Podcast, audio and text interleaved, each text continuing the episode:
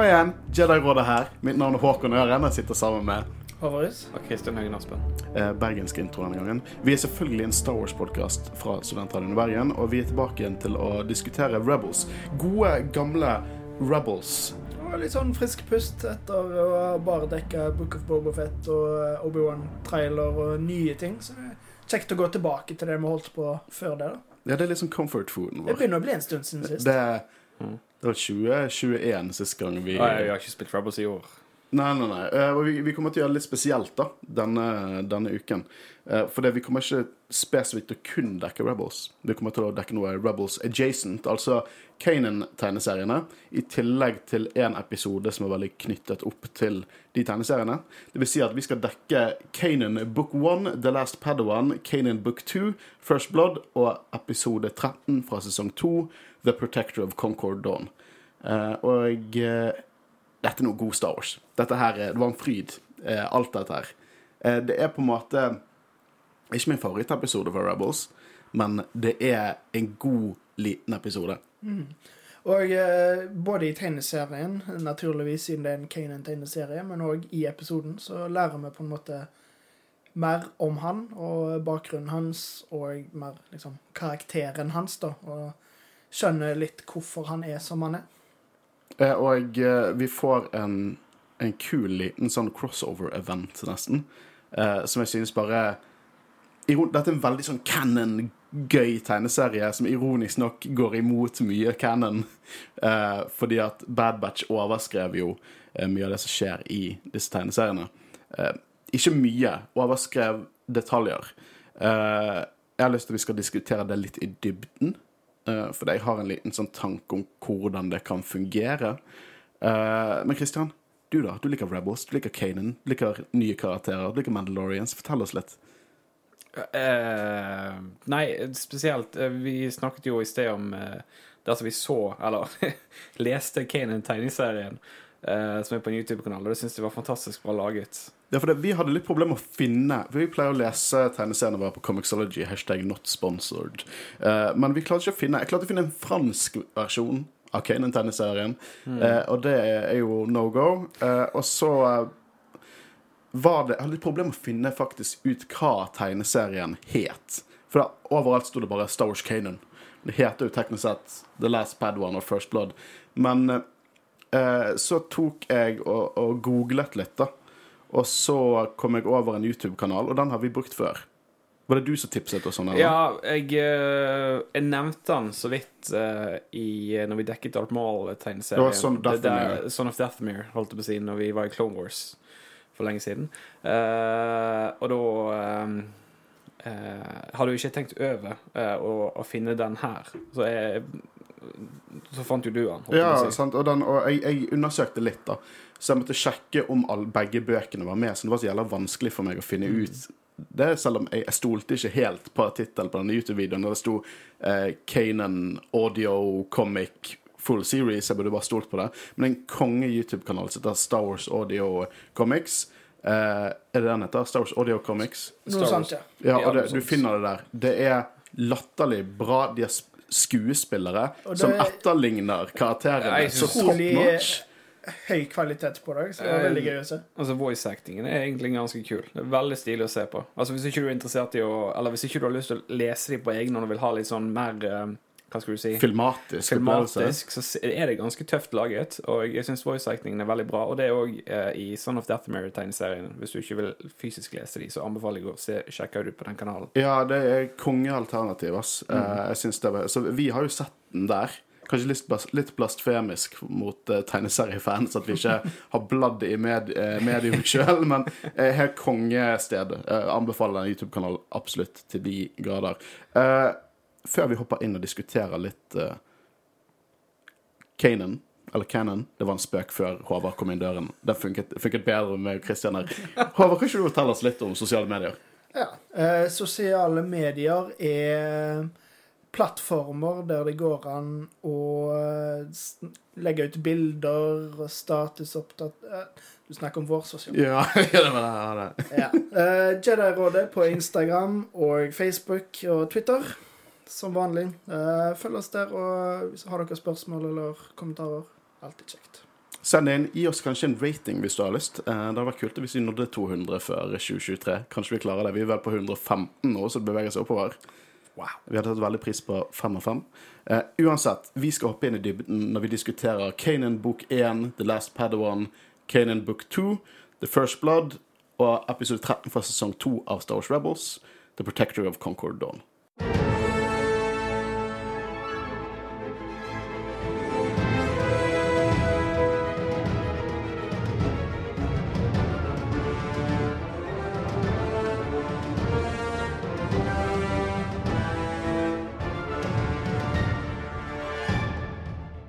Begynner med, med tegneserien, um, som jeg syns er en helt fantastisk tegneserie. Jeg sa det litt i introen, men jeg, bare, jeg har lest uh, om den før. Jeg vet hva som skjer i tegneserien, det visste jeg før jeg leste den. Men Uh, dette er første gang jeg faktisk leser den og får se de små øyeblikkene. For det er mange kule små øyeblikk. Jeg syns det var en skikkelig kul Star Wars-fortelling. Og jeg er nesten litt lei meg at ikke jeg skulle gjerne hatt det som en liten animert film. eller noe sånt. Jeg syns det var virkelig en god backstory til, eh, til Kanan Jarris, eller Caleb Doon, som er egentlig eh, navnet hans. Eh, Så unnskyld meg hvis jeg hopper igjen eh, mellom Caleb og Kanan. Det kommer til å skje, jeg garanterer dere.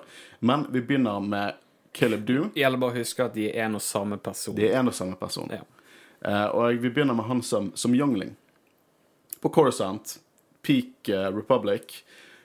Og jeg egentlig ser hvordan han fant, eller oppdaget sin For du nesten kan si at det er han som oppdaget sin læremester, eh, Dappa Bilaba.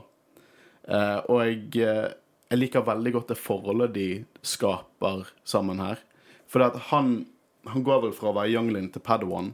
eh, går gjennom the initial trials til å liksom bli ferdig med, med youngling-statusen. Og så er det på en måte det å bli, bli valgt da, som en Padawan hos en, hos en mester.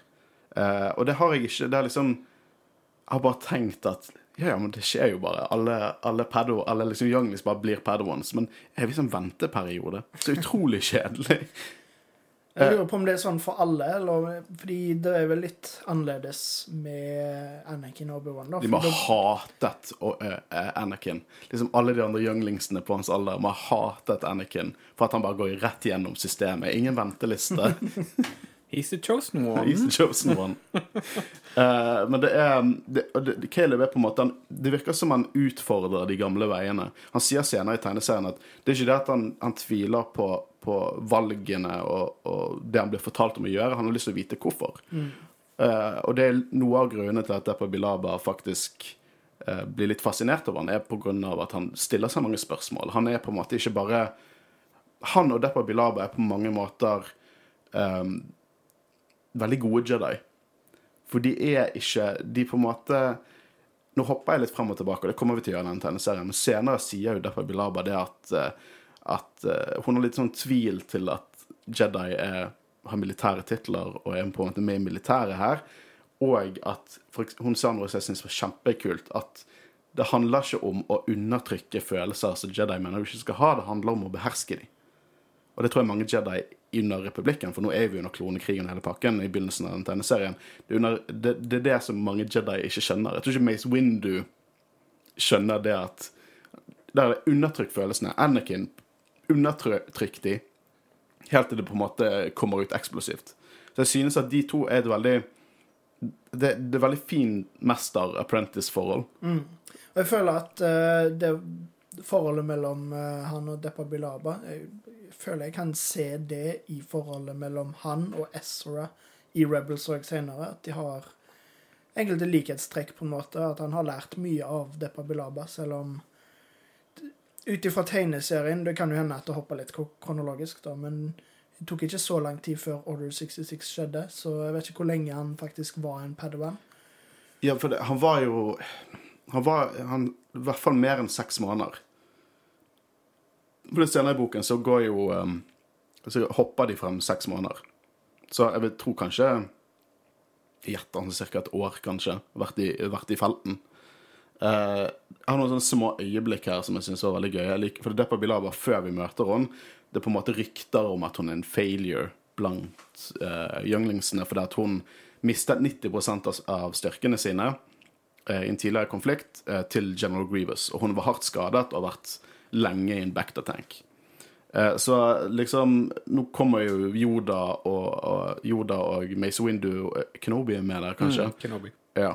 For de kommer inn og på en måte skal se hvordan det går med henne, da.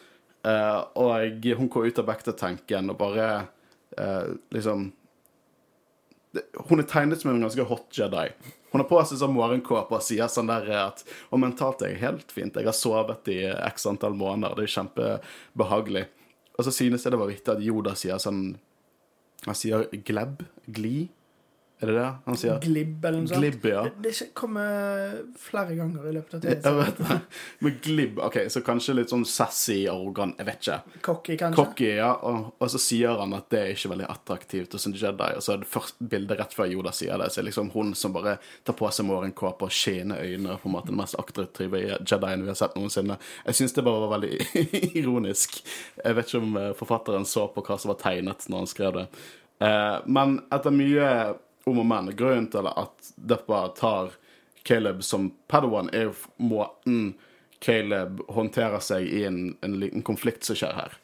Jeg lurer litt òg på Fordi helt i begynnelsen av tegneserien så blir jo Caleb sendt til sånn infirmary, helsestasjon, liksom. Og så da ser han jo hun i back-tanken og tenker Jeg føler jeg kjenner hun på en måte. Mm. Og så våkner opp rett etterpå, så jeg lurer på om det er på en måte om de hadde en liten connection Ja, med The Force. også. absolutt. Det tolket jeg også. Og det er jo veldig sånn vi ser eksempel i Empire, med tanke på at, eh, at eh, når Luke ankommer Dagobah, så sier han at det føles kjent. Som han har vært der før. At det er nesten sånn at de får For det, nå får jo Caleb får i løpet av tegneserien en liten sånn glimt så han ikke skjønner. Han var glimt av Order 66 lenge før det skjer, men han skjønner ikke hva det er han nettopp følte. Så jeg føler litt det er sånn at man, den connection der er nesten litt sånn De er skjebnet til å være sammen og derfor knyttet gjennom The Force, og han får en litt sånn hint på hva fremtiden har å bringe. Eh, jeg syns den tegneserien går veldig fint inn på hva det vil si å være Jedi, og hva som er problemene med å være Jedi. Eh, og jeg, nå er det vel en en eh, KG, KG, KG, KG Warrior. Det er de der ninjaene vi så i Boba Fett-episoden, og de reddet hun lille jenten. Eh, han har et kult navn som Rackham Seer of Corsight. Og han er en separatist, og han går på et lite sånn eh, sabotøroppdrag i eh, Jedi-tempelet. Som eh, får Deppa Bilaba, som ikke har så mye tro eh, på seg sjøl, men Caleb får det fram i henne. Og eh, basert på hendelsene der, så finner hun ut at kanskje det er noe mellom bare de to. Eh, og alle leksene der, syns jeg er gøy. Jeg liker at han reagerer på at, eh, at vennene ikke er glad på hans vegne. De er misunnelige eller redd. Og det syns jeg er kult. Og hun tar det som bare en lærdom, da. Du må, du på en måte, du må lære deg ut ifra dette. Ta, ta disse opplevelsene som en lærdom og utvikle det videre på det. Eh, jeg liker også at når vi ser Sindraling, og det er han mesteren til uh, The Temple Guard, han dukker så vidt opp, og eh, basert på den lille voice-actingen som har vært av Sindraling uh, i liksom Star Wars-media, så nailet de stemmen hans. Han har så vidt sagt et ord. Han ble halvveis drept off-screen i Revenge of the Sith, men han hadde vært med i én episode av Clone Wars, og så naila de stemmen hans. Som jeg syns er veldig gøy. Uh, vi, eh, etter han ble tatt som, eh, som eh, Padawan, The der Bilaba, så får vi masse forskjellige egentlig reiser mellom krigssoner. Og det begynner på Cardoa, og det er tre viktige kloner, syns jeg. For vi møter eh, Commando Grey. Commando Grey så vi i Bad Batch. Han hadde en annen farge på rustningen sin. Jeg kommer tilbake igjen til det. Eh, og Captain Styles. Eh, og kanskje en som også er utrolig viktig, som er Stans. Og Stans er en ung klone. Mm. og han og Caleb blir egentlig ganske gode kompiser. De er begge sånn forbanna når noen kaller de Kid. Det går en liksom greie gjennom hele at, at Caleb blir dritforbanna når noen kaller han Kid. Uh, og eh, vi får egentlig bare mye bonding mellom de, alle sammen. Også de eldre klonene uh, og Stans. Uh, og jeg har ikke så mye å si om konflikten som skjer der. Nei, altså det er jo I alle konfliktene så merker du på en måte at Caleb etter hvert lærer mer og vokser, for han er ganske sånn Å, dette klarer jeg helt uten problemer, og så klarer han det ikke helt uten problemer. Og, Han blir jo skutt på et tidspunkt. mm, så han han- Fin måte å på en måte vise reisen hans, da. At han tror han er Han er ganske cocky, tror han er mye flinkere enn han er, og så får han litt sånn Ja, jeg eh, har fortsatt mye å lære, og, og det er sånn. Han har god selvtillit. Han har det. Og eh, vi har vi har jo køddet litt med sånn klonenavn og sånn. Men Det jeg var ikke det en, sp- sa det veldig artig navn i dag. Big Mouth Ja, det var det. Big ja, Mouth. Som ja. driver og deler ut Meilu Run-frukt hele tiden. Men jeg må si at eh, navnet Stans, og hvordan han fikk det, syns jeg er en utrolig kul eh, fortelling, egentlig. For det at Caleb ble jo skutt, og så sier så Stans har blitt god venn med Caleb, og eh, når, eh, når han løper ut for å redde han, så sier Grey at du 'get to cover', og så sier han Sir, no sir, som er på en måte en vri på den der Sir, yes sir, som klonen hele tiden sier. Og derfor får han stance. De trenger ikke å få, Han fikk navnet sitt etter det, og det er jo veldig selvforklarende. At han, han tar en stance, liksom, og jeg syns det er en fin fortelling. Eh, og det er faktisk utrolig trist når han dør senere. Eh, men før det så, så drar jo de til Majito. Altså The Third Battle of Majito. Og dette er jo noe som Majito har vi sett i Revenge of the Sith. Det der Kia Dimundi ble drept av eh, kommando Bakara, som jeg synes har fått eh, smertefullt lite uh, showtime i Star Wars Cannon. Han og uh, Republic Marines, som ser nesten ut som lilla Snowtroopers, de, de er så vidt med i noe som helst. Jeg skjønner ikke hvorfor de ikke utvikler det. I, i Legends så var Bakara bare den største drittsekkloen. Alle hatet han, og det er en kjempeinteressant karakter. Uh, men det er Legends. Nå faller jeg off track. De er på Third Battle of Majito. Eh, og det er jo her at, at de er fanget på toppen av et tårn. Eh, det er vel Grey og Depa Bilaba og Caleb Doom. Eh, og eh, Nei, de er vel der ikke med Grey, for Grey er fire minutter unna. Og de må prøve å overleve der. Helt til det, og, det hele tiden teller ned. Og vi har to minutter igjen. Klarer vi å overleve i løpet av disse to minuttene? Helt til Skull Squadron dukker opp i Mandalorian Gauntlet Fighters. Og det er da eh, Fen Rau som dukket opp eh, rundt samme tid i den tjenesten som har dukket opp i den episoden vi snakker om litt senere denne eh, episoden her. Eh, Protector of Concord Dawn. Eh, og eh, han sier en line som jeg synes er veldig kul. Eh, han sier at 'Not all Mandalorians has forgotten their honor or obligation'. Og jeg tolker denne linjen litt, for det at Mandalorian-kultur Hvis det er noe vi har snakket om mest om i Jedi-rådet, så er det fuckings Mandalorians. Og det er ikke rart. Mandalorians ditt, Mandalorians datt. Uh, men dette, denne kom ut, da var ikke det mye Mandalorians som hadde blitt sett i canon siden Clone Wars, det var før Disney kjøpte opp. Så jeg husker eh, at jeg var utrolig hypet på å se Mandalorians i New Canon igjen. Og at han sier dette her eh, at uh, ikke alle Mandalorians har glemt deres ære og på en måte obligation. Nå finner ikke jeg norske ordet for det. Uh, jeg tolker dette som en, som en diss til Death Watch, absolutt. Men også en liten death, diss til uh, pasifistregjeringen. For det, hele karakteren Fan Rao viser det at det er ikke så enkelt som at i Mandalorian-kultur under klonekrigene så er det good guys der er pasifister og er pingler, og the bad guys er fanatiske terrorister. Du har noe imellom der. Du har Mandalorian som fortsatt er på krigerkulturen og fortsatt følger uh, den lovlige regjeringen på Mandalore, og det er en som Fen Rao, så jeg tolker at denne linen her som en diss mot begge de sidene. uh, som jeg syns er kult, uh, og det er min headcanon. Um, Stans han blir ikke drept av Grievous, men han blir drept av broren til den tidligere KG-warrioren, som heter Coburn Sear.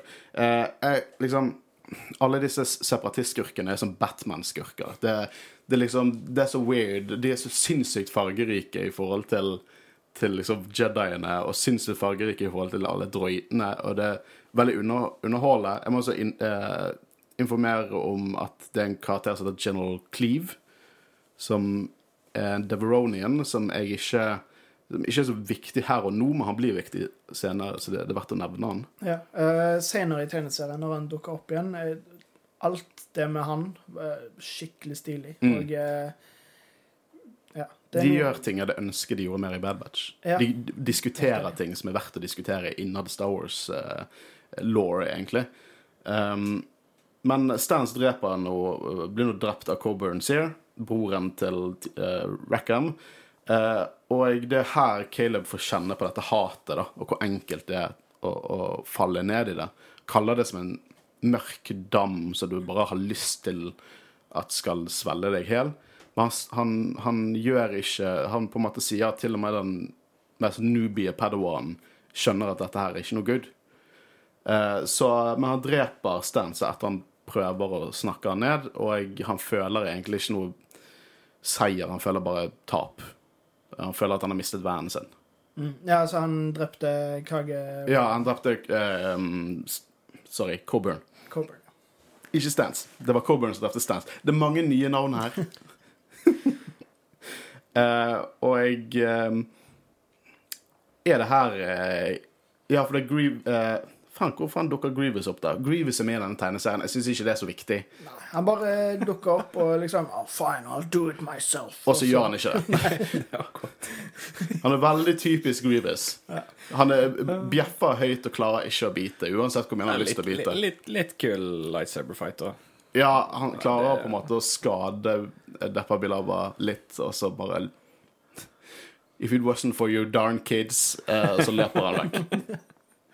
Eh, vi hopper jo til Caller, og eh, for dere som har sett Bad Batch, Caller er jo der eh, Caleb eh, opplever Order 66. Ja, så det er samme planet som i eh, Ja. Bad Batch? Mm, bare annen om natten. Eh, og det er her vi får møte Gamut Key, som en, en caller run, som er overraskende nok the native species av caller.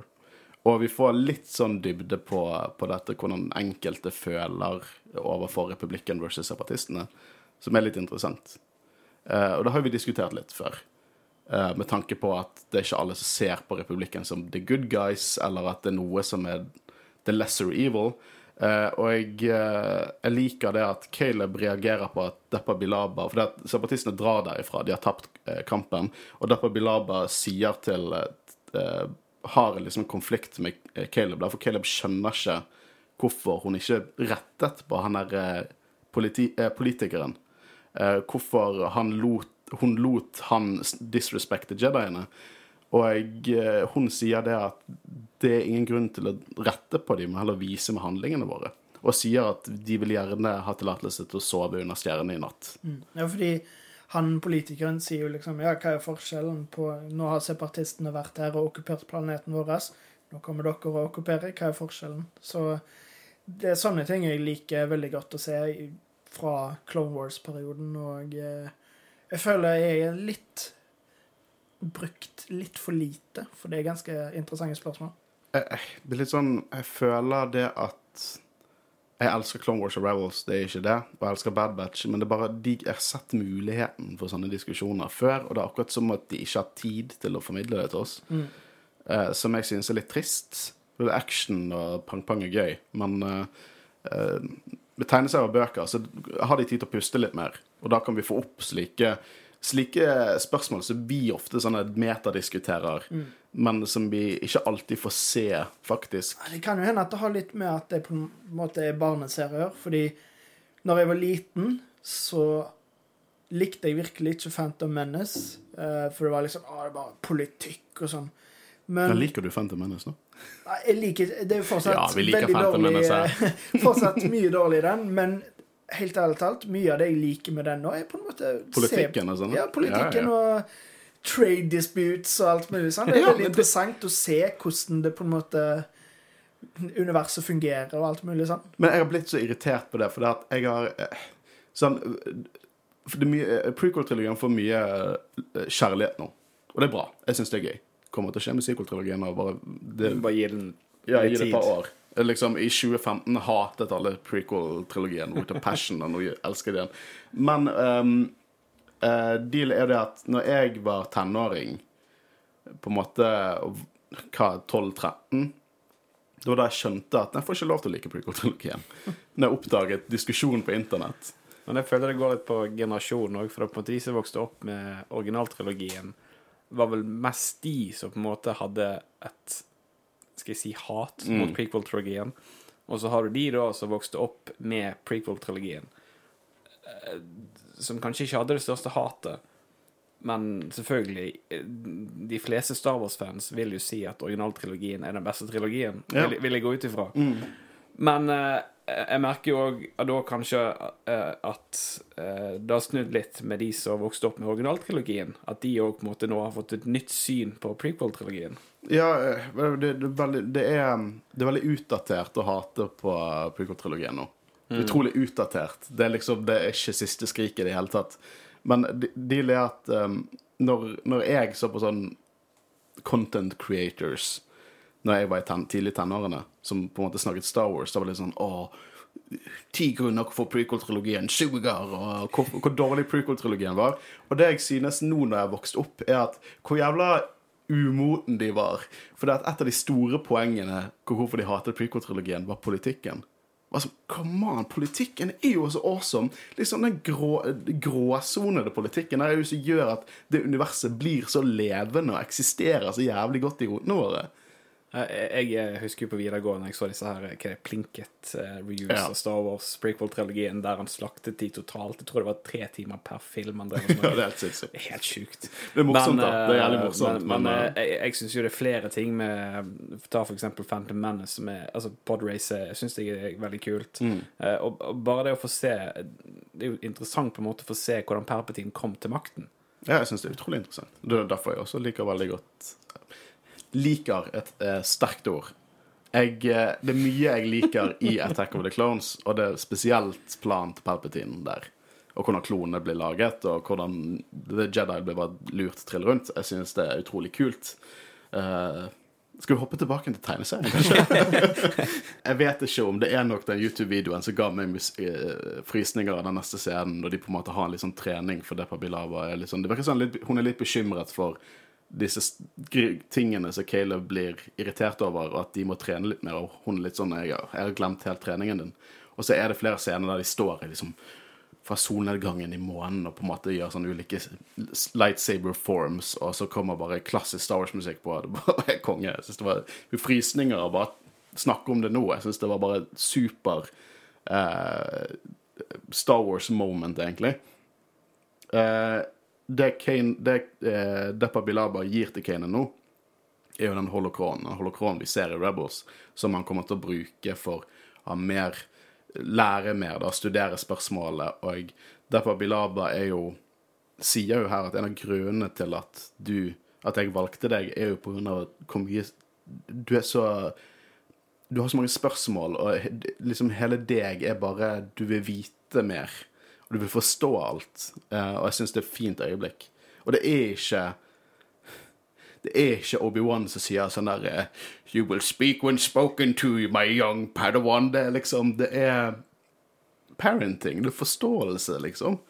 Og jeg synes det, det, det Jeg bare, jeg er bare veldig glad i det på Bilaba. Og det, det er sånne tegneserier som gjør dette, at neste gang jeg ser eh, prequel-trilogien, for hun er, hun er jo rådet, og hun er med i de eh, filmene, så kommer jeg til å tenke Å, shit, det er på Kanan løper sikkert rett i hjørnet, rett bak kamera, liksom. Det er kjempegøy.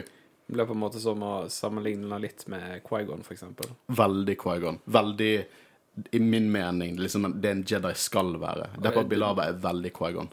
Ja. Og i og med at på en måte Caleb stiller så mange spørsmål som han gjør, er vel kanskje det hun òg finner interessant med han, med at han stiller spørsmål til f.eks. Jedi-ordren, og hva de står for, og hvor de er. Noe jeg tror Ezra hadde gjort også, hvis han var født et par år tidligere. Absolutt. Absolutt. Og det er, det, er, det er poesi. Det rimer.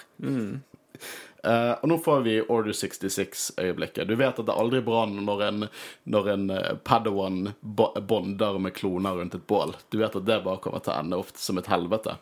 For nå får vi Order 66-øyeblikket, og det er annerledes. Det er flere forskjellige ting. Eh, en ting vi ikke nevnte sist gang, er at eh, på dette tidspunktet har jo separatistene forlatt Caller. Så at det var en siste separatistkamp der i begynnelsen av Bad Batch, gir ikke helt mening.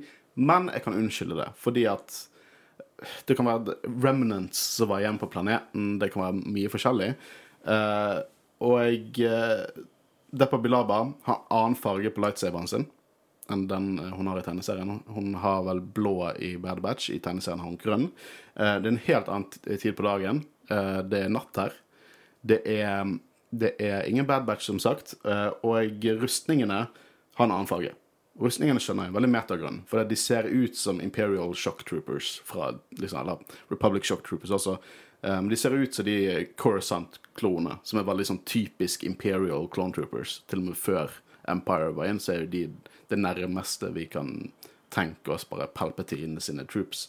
Uh, og det endret de sikkert for litt forvirring, for i Bad Batch første episode så er det poeng at de reagerer på at det er Shock Troopers på, på Camino. Um, jeg tror For denne, denne tegneserien ble fortalt i synspunktet til, til, til Kanan. Han forteller leseren hans historie. Dette kan være absolutt hvordan han husker det.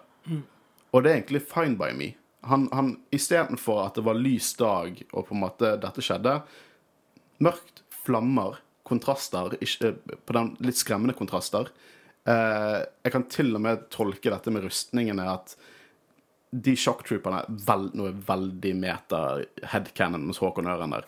Men de Imperial shock, nei, Republic Shock Troopers er veldig synonymt med tidlig Empire, og at han bare husker at ja, men disse var jo så å si tidlig Empire, så derfor røde.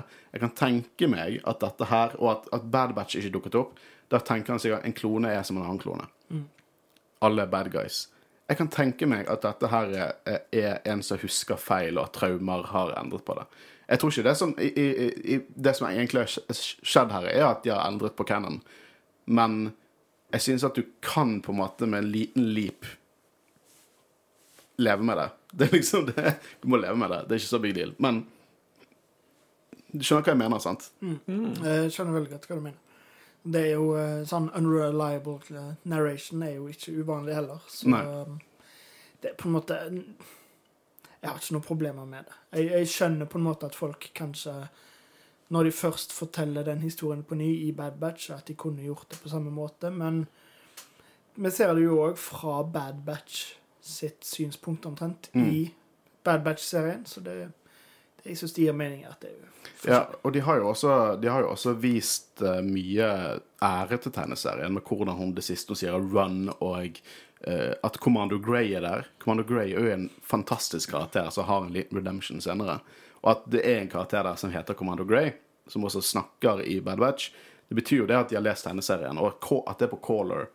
Det, det er på en måte det på en måte er litt ære og litt, litt, sånn, litt mangel på respekt til Cannon på en og samme tid. Men um, I'm over it. Det, det går fint. Det, dette er fortsatt en fantastisk eh, tegneserie, sånn dette lille øyeblikket. Jeg husket når vi eh, dekket sintere første episoden Ja. av Bad Batch, da, at det irriterte deg litt. Ja, for det, det som irriterer meg, er den jævla lightsaberen. Hvorfor skal de endre fargene på det? Det er så jævlig unødvendig. Det er så liten detalj. Men det, det er et ganske um, sterkt eh, øyeblikk eh, akkurat før den ordren kommer, Order Mm. 66, med at de sitter rundt bålet, og det blir sagt at um, Jediene eh, må lede oss, de er viktige for eh, eh, Chain of command. Chain of command, Ja, ja. de, hvor skulle de vært hvis ikke For det, er ikke det her Det her Depa Bilava begynner å tvile på at Jedi ikke burde vært involvert, sånn som de er. riktig. Og dette er jo rett før dette skjer. Mm. Ja, da Monkeys på Du får hva du ønsker deg.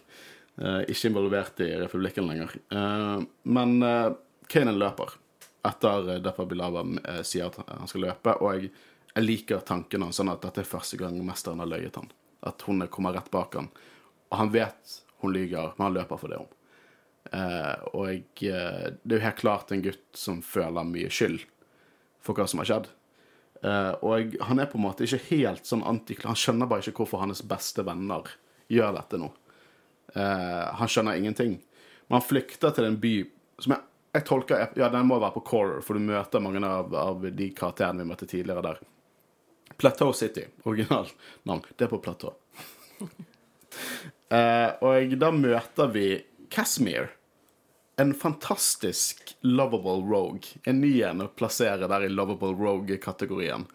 Uh, og jeg vil egentlig få se Caleb i, i et nytt miljø, der han må lære seg å stjele og tyve og være en lovable rogue framfor å være en Jedi. Og Casimir blir hans motvillige på en måte mentor i dette. da. Hans, hans solokarakter til å lære han til å bli en mer Han Solo. Som jeg synes Jeg, bare elsket det. For det, Jeg elsker sånne forhold. Det begynner med at liksom Casmer på en måte OK, eh, jeg vet du er en Jedi. For Casmer møtte jo Var der med, med han politikeren som jeg nå har glemt navnet til, eh, og snakket med Deppa Bilaba sånn. Så han vet jo han er en Jedi. Han kler han ut som tilsynelatende en Yawa, gir han en Mailuran og lar han sove der. Eh, og jeg sier at hvis du skal overleve her, så må du leve sånn som alle oss andre. Du kan ikke leve som en Jedi, du skal leve som en tyv, du skal stjele, du skal cheate, du skal på en måte overleve galaksen. Og, og kaste et Jedi-greiene bak deg.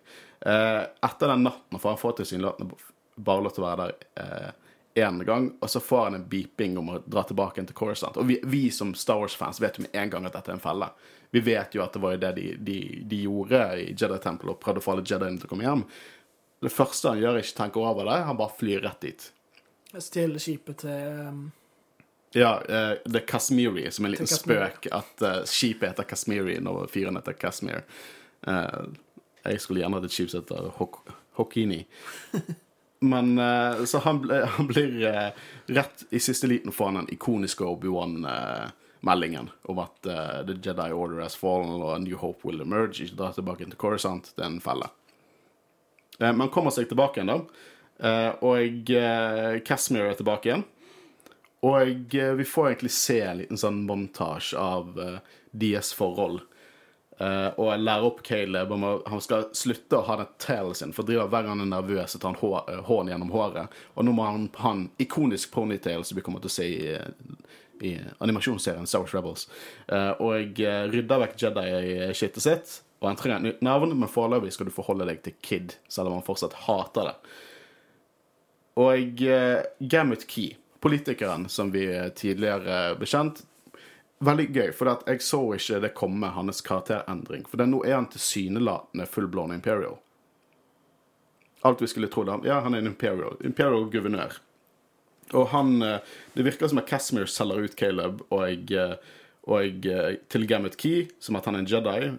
Alt går feil på en jobb. Og så forteller de til Commander Grey og Captain Styles, som da vil henrette Caleb. Men Men Casimir er tilbake og redder han. Som overras det overrasket meg, sånn oppriktig. Jeg, jeg satt og hørte på denne bare sånn uh, uh, ah, Oppriktig overrasket hver eneste uh, sånn plot point, som egentlig er utrolig teit å tenke over nå, for det er jo veldig klisjé, egentlig. Det er god klisjé. Eh, så de på en måte blir en partner, da. Jobb etter jobb, glemmer fortiden sin, mens Styles og Grey er liksom alltid hakket unna. Og jeg hadde sett dette som en hel serie, jeg. Med, med de to klonene som jakter på Casimir og, og Caleb. Konge. Jeg hadde sett en Clone Wars-animasjon. Give it to me. Det hadde vært helt fantastisk. Eh, og det virker at, etter hvert at de faktisk blir venner. Oppriktige venner. Med banter og hele pakken.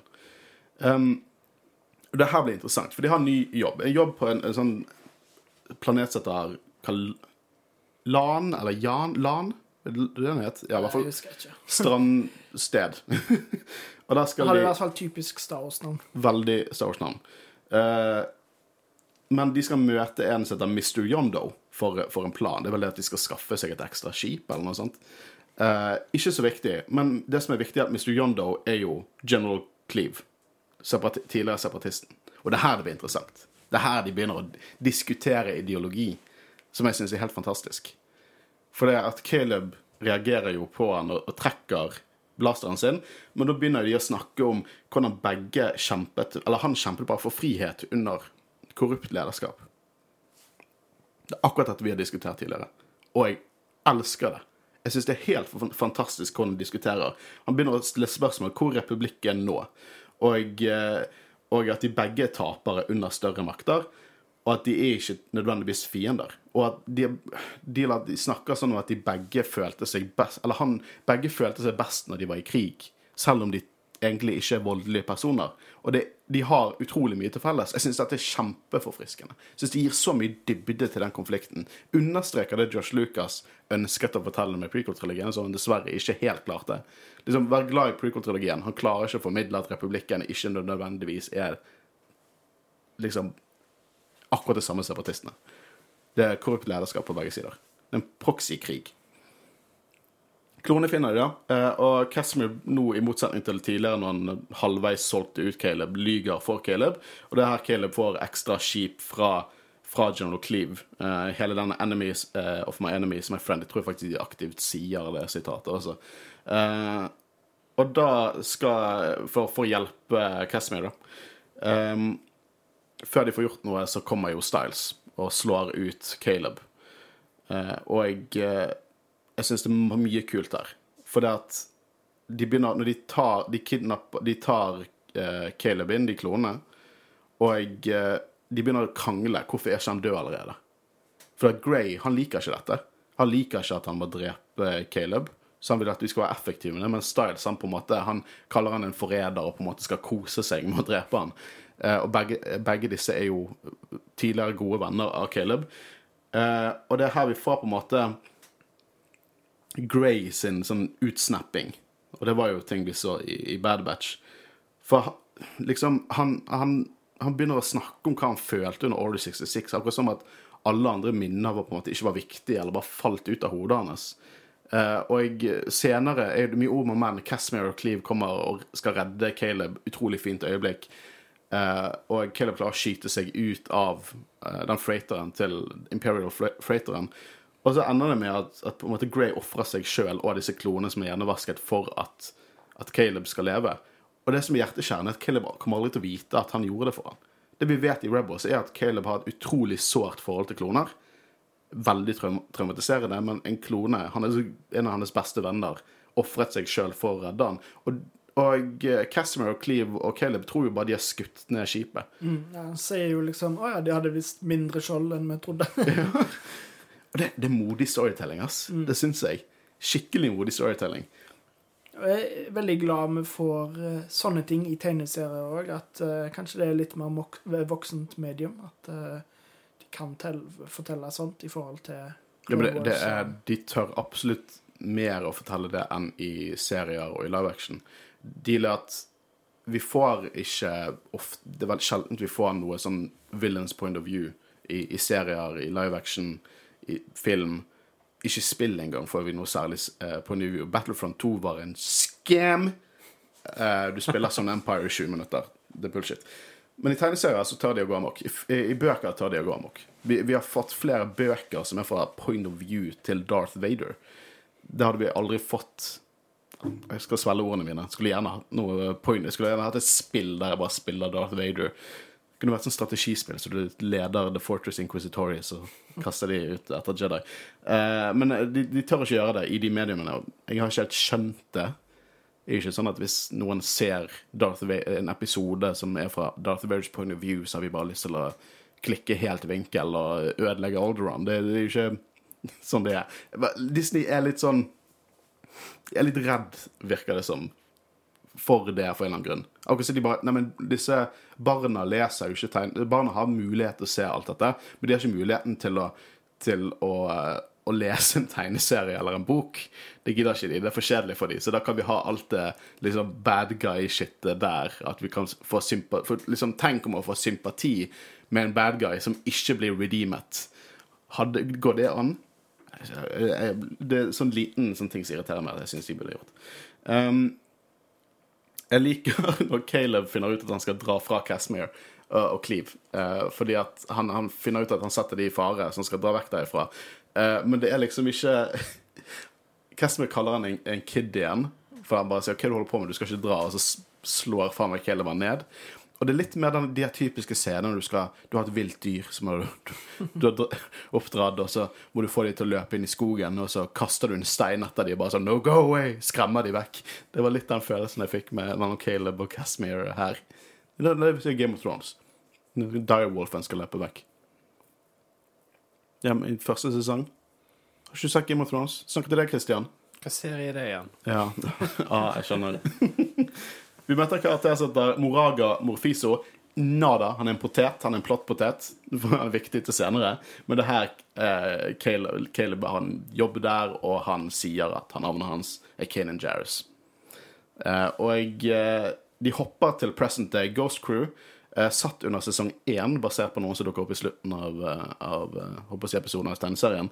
Eh, men de skal hente forsyninger til Tarkintown, tilfeldigvis fra eh, Color. Og det liker jo ikke Kane, da. At han var tilbake der for første gang på så mange år. Hva er det Hera sier? At han er jumpy, og hun har aldri sett han jumpy før. For han sier ikke til at han teknisk sett lyver ikke. Han sier sånn hva, har du vært på ha, Kanan, har du vært på Caller? Uh, Kanan har ikke vært på Caller! han snakker om seg sjøl i tredjeperson for å teknisk sett ikke lyge. Um, som jeg synes er veldig vittig. Uh, så forsyningen er stjålet. Gamut Key dukker opp. Han har fått, han er fullblond Imperial, tilsynelatende. Han har fått et tips om at det er smuglere her, og de sier ja, men vi, vi fant disse tomme containerne her. Og så sier han OK, kanskje dere ikke er smuglere, da? Og det viser seg at noen har uh, tatt forsyningene.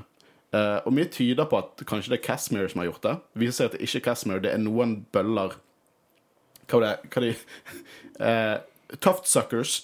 En fyr som tatt Jeg husker ikke navnet hans, det er ikke viktig. Han er Calerian, uh, og Casmer kalte han en Tuftsucker. Uh, og uh, hele dealet at de dukker opp der. Kanan er utrolig bekymret, og han vil, ikke, han vil at de skal fordele seg. Men ikke, han vil ikke gå med noen av de andre. Sikkert fordi han er redd for at de skal bli skadet, så han er villig til å ofre Chopper, i hvert fall. Som jeg of skjønner. Eh, men uh, han dukker opp dit, og, uh, og blir egentlig Han nailer egentlig hele den banden som er der. Får tak i forsyningene. Helt til Gamut Key dukker opp, og det viser seg at han er imot Empire. Og sier at han kan være en alliert. Så nå har de en keiserlig guvernør på lag med opprørerne. Og jeg trodde, jeg trodde dette her var bare a ruse, it's a trap. Men tydeligvis ikke. Uh, Gamut Key, som har på en måte innimellom dukket opp, virker til å være en fullblown opprørersympatisør. Som jeg syns er stilig. Det er mye karakterutvikling bak til sånn sidekarakterer i den tegneserien. Uh, men uh, Kanan blir vel stukket av en kniv og faller i en Bacta-tank, og de må liksom være på caller en stund for at han skal bli bedre. Uh, og det her Empire omringet for den tøftsøkkeren. Han heter eh, Tapsu, Tapusk Tapusk? Tapusk? et eller annet her. Han har eh, informert til Empire om de, og eh, hva er det å si? Uh, Kenan redder de og går full-blown Jedi Knight i boksershorts. Det er, kul, det er veldig kul. Det er kul kunst. Det, jeg liker action her, egentlig. Det er rart å si om en tegneserie, men det er veldig fint tegnet. Og eh, spesielt i den der videoen vi så, så eh, det føles De, de klarer å få det til å se cinematisk ut så det var ganske Og det hjelper at det er så utrolig god, god voice acting. At det er faktisk eh, skuespillere. Liksom hele Rebels-crewet. OK, uh, Seb var litt sånn skeptisk, men uh, jeg hadde nesten trodd at Tomorrow Morrison bare tok seg en rolle her og spilte kloner. For de går etter Tomorrow Morrison-stemmene, og ikke de Bradley Baker på klonene. Sånn helt klart. Jeg merket at han hadde litt problemer med å, å rope, tror jeg. For at hver gang det var helt klart at tegningene ropte, så var det mer som at det var en Tomorrow Morrison som bare sa ting litt strengt. som, eh, ja. Eh, det er jo en, en, en liten sånn teori, metateori, om at uh, Kyle Qataren i Cannon er Kanan Jarrus. Vi har snakket litt om at han på en måte Han er, han er på en måte Ken-representasjon av Kyle Qataren. Eh, og eh, her får vi faktisk en liten Calcutown-referanse med det skipet de dukker opp i. For det er en HWK290, eller kalt uh, The Moldy Crow, uh, Crow i uh, Jedi Knight-spillet, der han var en stor karakter. Veldig Legends-skip. Veldig funky looking, looking, men kul, for det er skipet til Gamut Key. Og de skal redde Morfiso, da. Som Kanan sier, en av de eldste vennene til Kanan, som fikk litt sånn C3PO og Babu Frick-vibes der. For han trenger hjelp. Han er opprører, tatt av Empire. Hva er det å si? Det, det jeg har lyst til å si her, er at vi får en liten cameo fra en veldig stor karakter i dypere canon.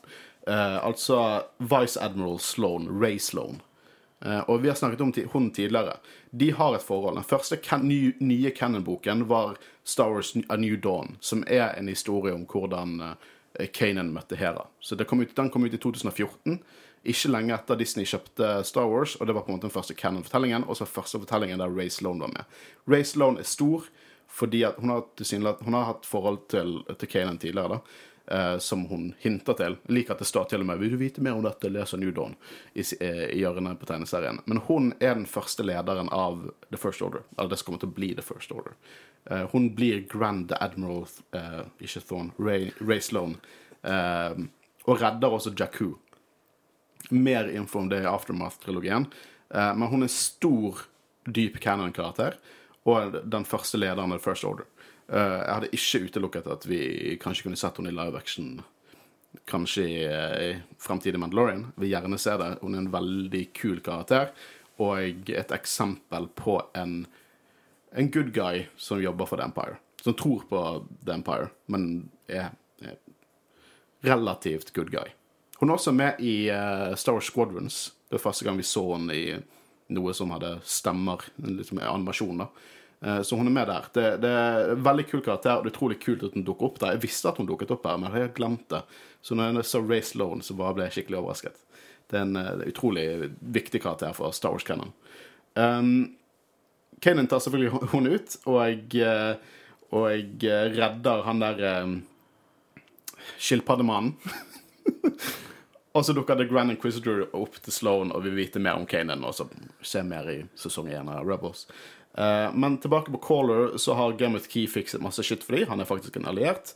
Uh, tidligere så hadde Ashra hjulpet til med å, å distrahere Stormtroopers for Kanan eh, på Plateau, Plateau City. Nei, på LAN. Sorry. Uh, og, og Kanan spør hvordan, hvordan fikset du det. Og så sa han, For han møtte på to Stormtroopers i en dead end, og så sier han at det bare kom en fyr og tok de ut og hjalp han. Og så kutter vi til eh, et skip der vi ser Cashmere og Cleaver. Og eh, Cashmere forteller at han hjalp en liten kid, for den kiden minnet han om noen han kjente en gang. Som var åh, hjerteskjærende, fin ending. Eh, nå har jeg mast mye. Synes at eh, jeg håper du har mast litt også. Men jeg vil høre litt mer. Hva er dine tanker om denne tegneserien? Før vi hopper videre til Rebels-episoden. Christian, altså. Nei, jeg syns han er kul, og som Håvard sa i starten, så er det veldig kjekt å få litt uh, Vist litt av bakgrunnshistorien til Caleb slash Kanan. Uh, og det får vi jo i denne komikken. Føler du at du på en måte har litt sånn dypere forhold til karakteren nå enn du hadde? Du ser hvor han kommer fra, på en måte? Jeg holdt på å si Du ble jo godt kjent med han i Rebels, men nå får du på en måte vite litt av bakgrunnen òg for de eh, tingene han har problemer med i Rebels. Mm, og hvorfor han er så kynisk når du først møter han, kanskje? Ja, så jeg, Nei, jeg syns det var kult. Jeg synes egentlig det at Så det er veldig, veldig, veldig, nei, en god story. gøy, det er en gøy god Star. Wars-fortelling. Liksom. Det, det er verdt å lese for alle der ute. Dette er en av liksom, de gode Star Wars-tegneseriene. Absolutt. Mm. Og jeg liker det at når vi ser på en måte hvor mye Kanan Caleb har lukket fortiden sin, og på en måte tvunget seg inn i en ny rolle. For han sier vel omtrent at Caleb er død. Ja. Kanen er nå. Ja, sant. Og, og det vi ser i Rebels, sant? for vi snakker om karakterutviklingen, og det er på en måte det at han, må, han prøver å få liv i Caleb igjen. Det er det han gjør. han prøver Og vi har snakket om at det er utrolig god karakterutvikling i Rebels. Det er utrolig god, spesielt det mester-apprentice-forholdet. er at Han sakte, men sikkert beveger seg til det forholdet som han hadde med Deppa Bilaba. Eh, og eh, utrolig mange kule paralleller der. Og bare Rebels, Rebelverse jeg var helt fantastisk. Jeg, jeg elsker disse karakterene. Jeg er så investert i disse karakterene. Eh, og jeg synes egentlig vi bare kan hoppe inn i den ene Rebels-episoden vi skal snakke om i dag. Det er altså episode 13 fra sesong 2. eh, The Protector of Concord Dawn. Ikke sånn cirka, cirka halvveis i Rebels-serien. nå. Um, Ja, ja. Cirka. hvordan var det å se Rebels igjen? For etter vi har sett, brukt flere måneder siden vi har sett. Ja, det var litt uh... Ja, det var kjekt. Det er lenge siden. Det er gøy å gå tilbake igjen til um, uh, Til Rebels, holdt jeg på å si. Til anima- animasjonen. Ja. Og uh, en, en ting som jeg hang meg veldig fast opp i hele episoden, er at disse karakterene er så utrolig lite selvhøytidelige. De, de er liksom Jeg elsker Luke Skywalker, men han er jævlig selvhøytidelig.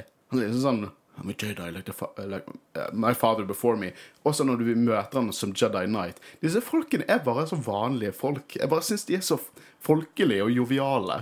Alle sammen. Det er, noen det er flere ganger under denne episoden der jeg lo høyt for meg sjøl. For jeg syns det var var morsom dialog. Så utrolig gjennomført humor. Det har vi snakket om før, men jeg trengte å få det ut. Eh, opprørerne trenger en ny hyperspace lane. Eh, de trenger noe for å komme inn og ut av Lothal-sektoren, og finner ut at det er en snarvei gjennom systemet Concord Dawn. Og Concord Dawn har vi snakket litt om eh, før. Eh, de har jo en liten exposition i episoden som egentlig forklarer oss hele dealen der. Det er Rex sier at flere Mandalorians derifra kom for å trene kloner. Eh, og det er noe han trekker. Han bare tar, Rex tar sine fantastiske hender inn i den boblen som er Legends, og bare tar ut en liten element der, plasserer det godt inn i canon. For i Legends så var Jango Fett mye mer han brydde seg mer om den legacyen som var kloner. Han, kanskje, han bryr seg ikke i det hele tatt. Det var bare en jobb og penger for Jango Fett i Cannon. Men han uh, fikk jobb i Legends om å på en måte skape så å si en Mandalorian her i klone. Så han fikk inn alle sine buddies og Mandalorians eh, til å trene de opp. I Clone Wars så så vi at de hadde dusørjegere der, så trente de. Istedenfor Mandalorians. Eh, nå bekrefter Rebels at de hadde begge deler. Mandalorians trente, eh, trente kloner. Ikke under Jango Fett eh, nødvendigvis, men det var Mandalorians som trente kloner, og det er utrolig kult at Rebels, Rebels var veldig flinke i det. De har til og med sitat senere i den sesongen som er There, There's always some truth in legends. Som de brukte i traileren. Eh, som i, for å gi så masse klipp fra en sånn sesongavslutningen så trekker mye Legends-shit inn. Og jeg elsker at Rebels gjør det. Bare finner ting som fungerer fra, fra eh, Legends, og bare ta det inn i canon. Rebels er bare helt konge på det. Um, utrolig passende også at The Clone Template, eh, Mr. Fett Senior himself, eh, er født på Concord Dawn. Dette er hjemplaneten til Jango Fett, eh, som også er veldig stilig. Eh, og eh, de er ikke tilsynelatende på Imperials side. De virker relativt nøytrale ut ifra det de ser der og da. Så de har eh, Nå tar Empire og okkuperer Mandalore for øyeblikket. Eh, Så denne fortellingen er egentlig Hva gjorde Mandalorians under eh, Den begynner liksom det første lille snøet som faller før raset. Hva gjorde eh, Mandalorians på under, eh, under originaltrilogien? For er liksom, Vi har fått mye svar på det nyere, men i, når denne episoden kom ut, så var det et stort spørsmål. Hvorfor er det ikke ingen Mandalorians med originaltrilogien? Hvilken side tok Mandalorians på? Eh, og eh, denne storylinen om Mandalorians i Rebels eh, går veldig inn på det. Jeg syns det er utrolig kult, og det gir mer eh, noe, noe mer til et større bilde som er Mandalorian-politikk og kultur, som er noe av det mer kompliserte innad Star Wars-law. I hvert fall når det gjelder hvordan kulturer er, for det er ingenting svart og hvitt Mandalorians. Det er Ulike hus og klaner og eh, alignments og sånne ting, så det er utrolig stilig. Eh, så Sabine eh, han, hun nevner jo litt Mandalorian Civil Wars før klonekrigen, at de aldri er enige med hverandre, og snakker om at disse folkene som er på denne månen, eh, er The Protectors. Eh, og The Protectors, de eh, vi, de er jo nå et konsept som egentlig er dratt ut av Legends. Uh, I Legends så var det Protectors som kjempet mot republikken. Tidlig Legends, det vil si sånn Marvel-tegneseriene på 80-90-tallet. Uh, det var også der Bobafett uh, startet i når han var i ferd til å bli Mandalore. Mye styr her. Alt er kastet ut, men navnet står. Vi har teknisk sett sett organisasjonen tidligere. Under pasifistregjeringen til eh, Satine. Um, jeg vet ikke om dette er de teknisk sett Jeg tror ikke det er teknisk sett de samme folkene, for de helt klart kjempet under klonekrigene. De kjempet mot separatistene. Så om uh, de protectorsene her må være annerledes enn der, for hvorfor i helvete skal Satine ha en pasifistregjering som ikke tar en side, men sender sin Royal Guard for å direkte slåss mot en av sidene i krigen? Det gir ingen mening. Så eh, i mitt hode er organisasjonen sikkert det samme, men at det var ulike grupperinger innad. Og uh, Protectors of Concord Dawn, som er denne grupperingen, uh, helt klart var ikke pasifister, og helt klart var ikke del av Death Watch. Som bare gjør det mye mer deilig innviklet i Mandalorian-politikk. Elsker det. Um, de lager tilsynelatende sine egne regler, da. Så um, denne organisasjonen, da ehm, Jeg vil snakke litt om, om på en måte Jeg vil snakke litt om designet. De har ikke dukket helt opp ennå, men jeg vil snakke om designet på disse her. For det, det er egentlig én type Mando vi ser her, i designmessig. Fen Rau dukker opp senere, han har litt andre farger og sånn. Men det er sånn pilot-Mandalorians. Elsker det. Jeg syns det er så kult. Er det samme design Jeg husker ikke, så vi Fenrow i tegneserien, eller sånn bare fordi Ja, vi, vi, så, vi så han, det, han eh, det er en liten boble der, der han er samme design der. Eh, jeg synes det er et så stilig design. Det er så Star Wars, og det er så Mandalorians, og det er så praktisk, simpelt Star Wars-design, sånn at du bare ser silhuetten når du skjønner hva det er. Uh, jeg, jeg, jeg virkelig elsker designet her. Det er dritfett. Og de på en måte har sånn, De har sånn face shield oppå hodet, litt sånn egentlig som alle piloter i Star Wars har. Og så har de uh, tubes som går ut under hjelmen uh, for sikkert atmosfærefighting. Og eh, utrolig stildesign. Jeg er veldig lei meg for at dette er det eneste episoden der vi ser det designet. Uh, for det er Fen Rau får et nytt design senere som er overdesignet til de grader. Han ser ut som en MMO-karakter. Men uh, det er også lite, lite referanse til concept art av, av Bobafett, spesielt på Fen Rau sin hjelm. Han har en liten skalle med ser ut som edderkoppbein som går ut. Uh, det er noe som var på Joe Johnston sine konsepttegninger til Bobafett back in the day. Så en fin liten referanse der. Her er hele konflikten. Eh, Sabine liker ikke dette. Hun er Mandalorian sjøl. Hun mener at disse, disse folkene her, de eh, vil kun eh, De vil kun de, de, de snakker ett språk, det er krig. Det er ikke noe annet. Mens Kanan vil heller snakke med dem. Og det er hele dealen her, det er jo at det, til, nå begynner det med en spacefight. For det Hera er enig de vil ha Mandalorian som, som allierte til opprørerne og flyr inn dit. Men det ender jo egentlig bare med at Fen Rao skyter de ut. Dreper flere opprørere og nesten dreper Sabine. Det er egentlig ganske mørkt. Det er Nesten dreper Hera. Ja, Hera. Sorry. Mange navn. Litt slitne. Ja, jeg bare Det er utrolig mørkt. Eh, men jeg har litt, litt lyst til å snakke om det etterpå. Eh, men Rau, det her vi ble introdusert til Fen Rau, spilt av Kevin McKidd fra Rome eh, Fame og Grace Anatomy, tydeligvis. Jeg har ikke sett Grace Anatomy sjøl, men han spiller en veldig sint karakter der. Eh, og eh, jeg synes at animasjonen ligner veldig på, på han. De har klart tatt inspirasjon fra skuespilleren og så tatt inn i karakteren. Så vær så snill, få Kevin McKidd til å spille Fen Rao i Mandalorian. Jeg trenger han i live action, sånn at jeg kan kjøpe en Hot Toys av Fen Rao. Eh, men jeg elsker den karakteren, og dette er bare det første vi ser av han. Han kommer til å bli med videre, kommer til å være mentorrolle for Sabine. Det er en helt fantastisk karakter, og noe annet som er utrolig gøy, er at uh, Saxon, som er, er hans motspiller, en som er veldig Imperial Mandalorian Vi så han i slutten av Clone Wars. Uh, Gar Saxon. Han hadde på seg den Maldalorian-rustningen med sånn gullvisor. Uh, han er spilt av Faen. Eh, skuespilleren som spiller Titus Pullo i Rome. For begge de to spiller liksom buddies i Rome, og her spiller de to liksom, eh, motspillere i Rebels, som er en Rome-referanse. The Rebels tar eh, referanser fra en utrolig R-rated serie som i Rome. Som også er en fantastisk serie den er verdt å se. Så, så jeg synes Kevin McKidd bare Stemmen hans bare skriker bare, bare en stolt Mandalorian. Jeg synes det er helt fantastisk.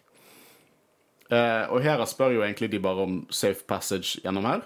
Eh, og så blir de skutt ned. Fordi de jobber for The Empire. Uh, og når de hopper i lightspeed, så er Hera litt for sein. Og den musikken og det skipet A-wingen bare røyker og er ødelagt. Utrolig go- godt øyeblikk. Utrolig cinematisk. Uh, og eh, våk- modent øyeblikk. Jeg syns liksom de er ikke redd for å vise at uh, dette er ille. Og de er heller ikke redd for å på en måte vise hva skal jeg si, sinne til folk. Sånn som Sabine vil jo umiddelbart ta hevn og reise tilbake og liksom drepe alle. Men uh, Kane vil jo fortsatt være litt sånn diplomatisk og liksom i hvert fall prøve å overtale dem. Og etter vi har sett, eh, eller vi har lest denne tegneserien, så viser det hvor lang vei Kaden har kommet, med tanke på at han opprettholder liksom sin Jedi-ness her. Han vil fortsatt på en måte, han tror fortsatt at du kan være eh, diplomater her, du kan snakke med dem, og i hvert fall når han finner ut at det er Fen Rao som er lederen deres. At eh, han har jo en liten historie med han som vi nettopp eh, leste om. Eh, og eh, både Rex og Kanan snakker jo om Fen Rao her, og det er her de refererer til den tredje kampen om Maijito, eh, som vi nettopp så i tegneserien. Og eh, nå mener Kanan Det virker som han, han lurer eh, Sato litt og sier at han kan sabotere, men egentlig vil han bare dra ned litt alene for å snakke med dem. Eh, men selvfølgelig så Han tar mest Chopper igjen, fordi han driter helt klart i om Chopper lever eller dør. Eh, Stakkar Chopper. Det var ikke frivillig her, da. Nei, ikke frivillig. Jeg liker egentlig øyeblikket at alle har lyst til å være med han. Og så bare Ja, ja, men jeg kan ta med meg Chopper. Bare, Eneste som ikke har lyst. Og jeg savner Chopper, altså. Beste, beste droiden. Nei, jeg bare sier, hadde det vært, hadde det vært R- R2 der, så hadde han vært med på sekunder. Ja, men R2 Så er R2 er en potet i forhold til Chopper. Mye mer personlig. Ok, Arthur har mye personlighet. Jeg tar det litt tilbake. Eh, men Sabine eh, klarer selvfølgelig å være blindpassasjer på The Phantom, og her får vi en uh, utrolig fin liten dialog der uh, Sabine er bare jævlig irritert over at Kanan skal fortsatt snakke med de og ikke sabotere og sånn, og så sier hun at liksom denne Jedi-ideologien og filosofien, du vet den fungerer ikke på alle. Og så tar Kane noen på skuldrene og sier Og det er derfor vi er i krig.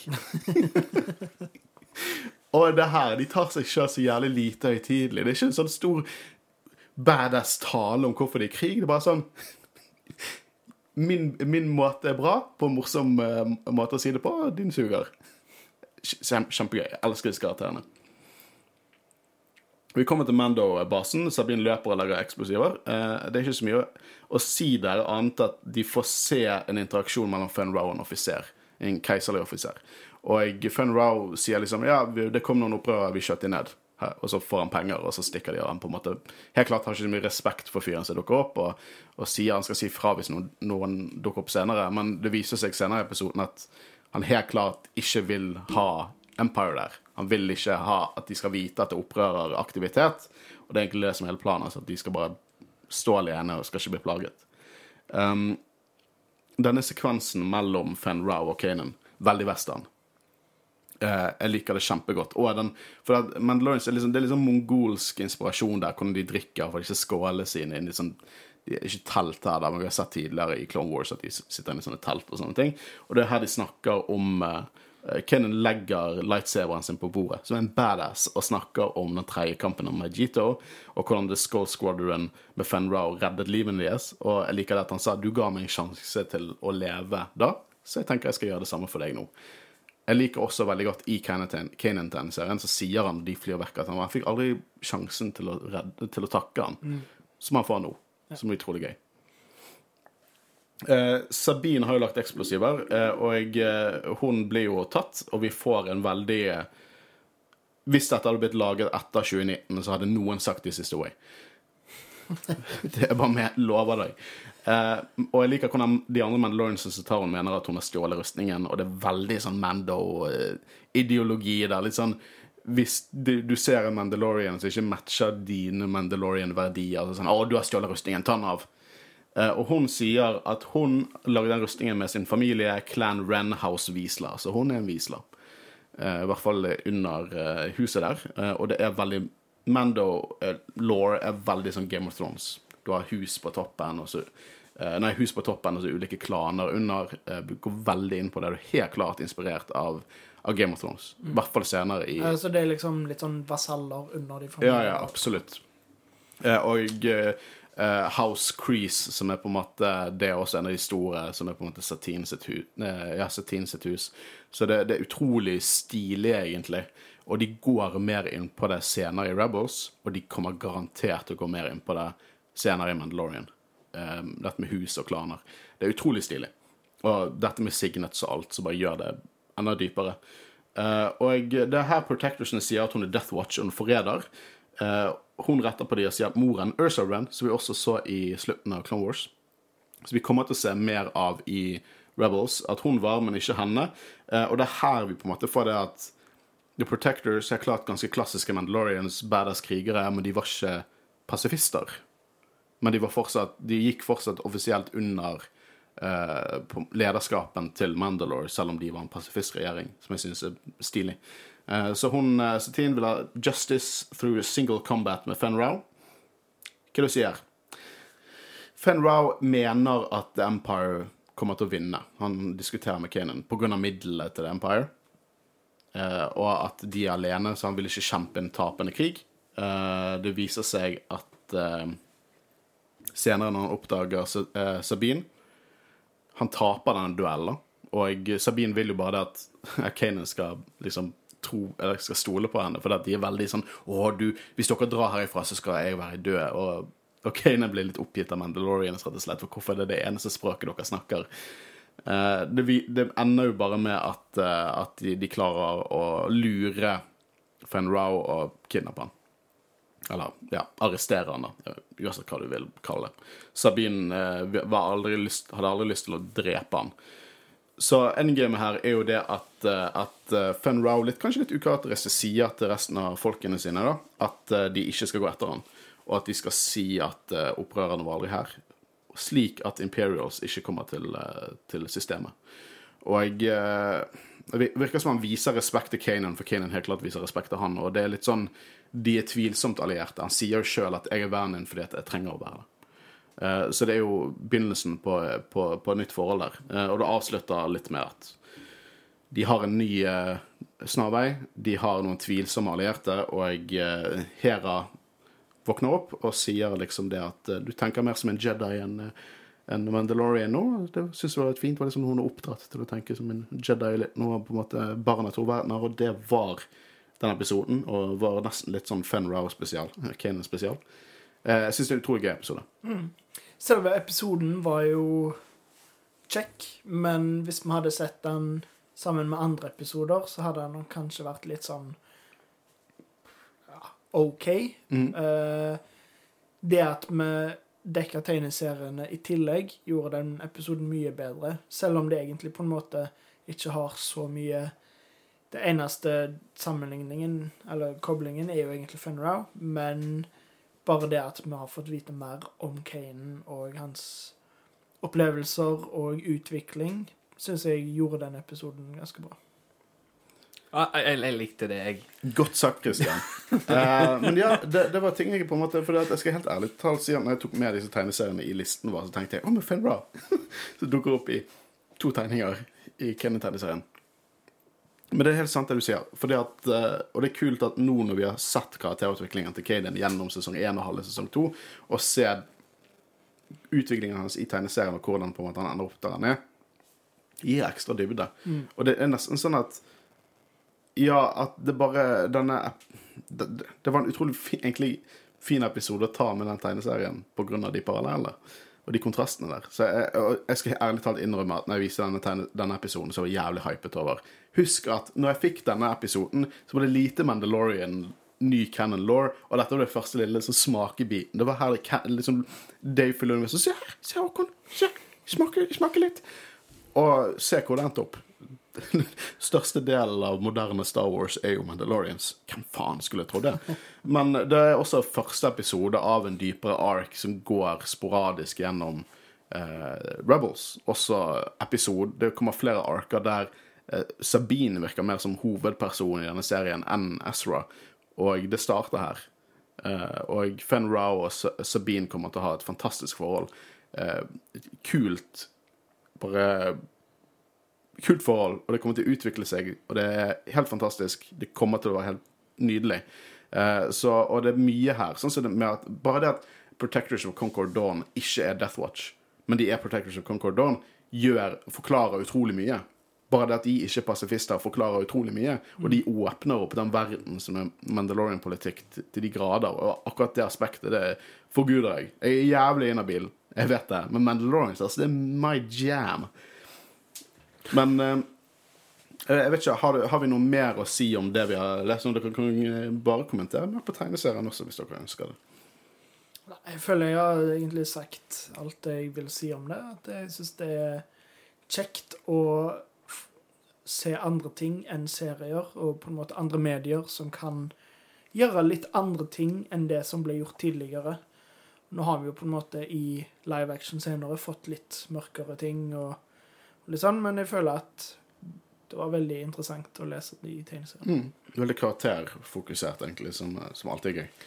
Og eh, det er jo lagt mange andre tegneserier òg, og eh, det har faktisk mer enn når jeg leste Darth Maul-tegneseriene og Son of Deathmere, så har jeg fått lyst til å lese mer Star. Ja, eh, vi skal jo dekke Darth Vader. Vi, jeg og Christian snakket jo litt om det før vi begynte å spille inn episoden. Nei, for du finner jo de på den kanalen òg, holdt jeg på å si. Mm. Vi kan jo på mange måter kalle dette her er en eh, ikke en Rebels-episode, men en karakterdreven Kanan-episode. Ja. ja, absolutt. Hvis vi hadde hatt en Kanan spesial, så hadde jo dette garantert eh, vært det nærmeste, i hvert fall. Ja. Eh, vet du hva, det er også Når vi snakker om Kanan uh, Jeg vet Rise of Skywalker jeg vet det.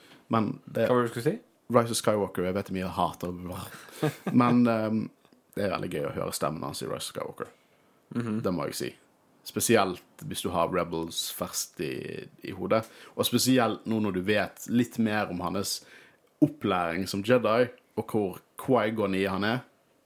Syns det er helt konge. Jeg elsker den karakteren. Jeg er så glad i alle disse karakterene. Eh, så, så det er mye bra i vente. Og mine to favorittepisoder de er i Rebels sesong to. Så de er slutten av Rebels sesong to. Vi nærmer oss der med storms eh, skritt. Eh, jeg føler vi er ferdige her i dag. Nå skal vi på quiz. Det er det vi skal på quiz. Dere får vite i neste episode hvor bra vi gjorde det. Ja. Uansett, mitt navn er Håkon Øren. Jeg har sittet sammen med Og Kristian Øyen Aspen. og vi snakkes neste uke. Ha det bra. Ha det bra.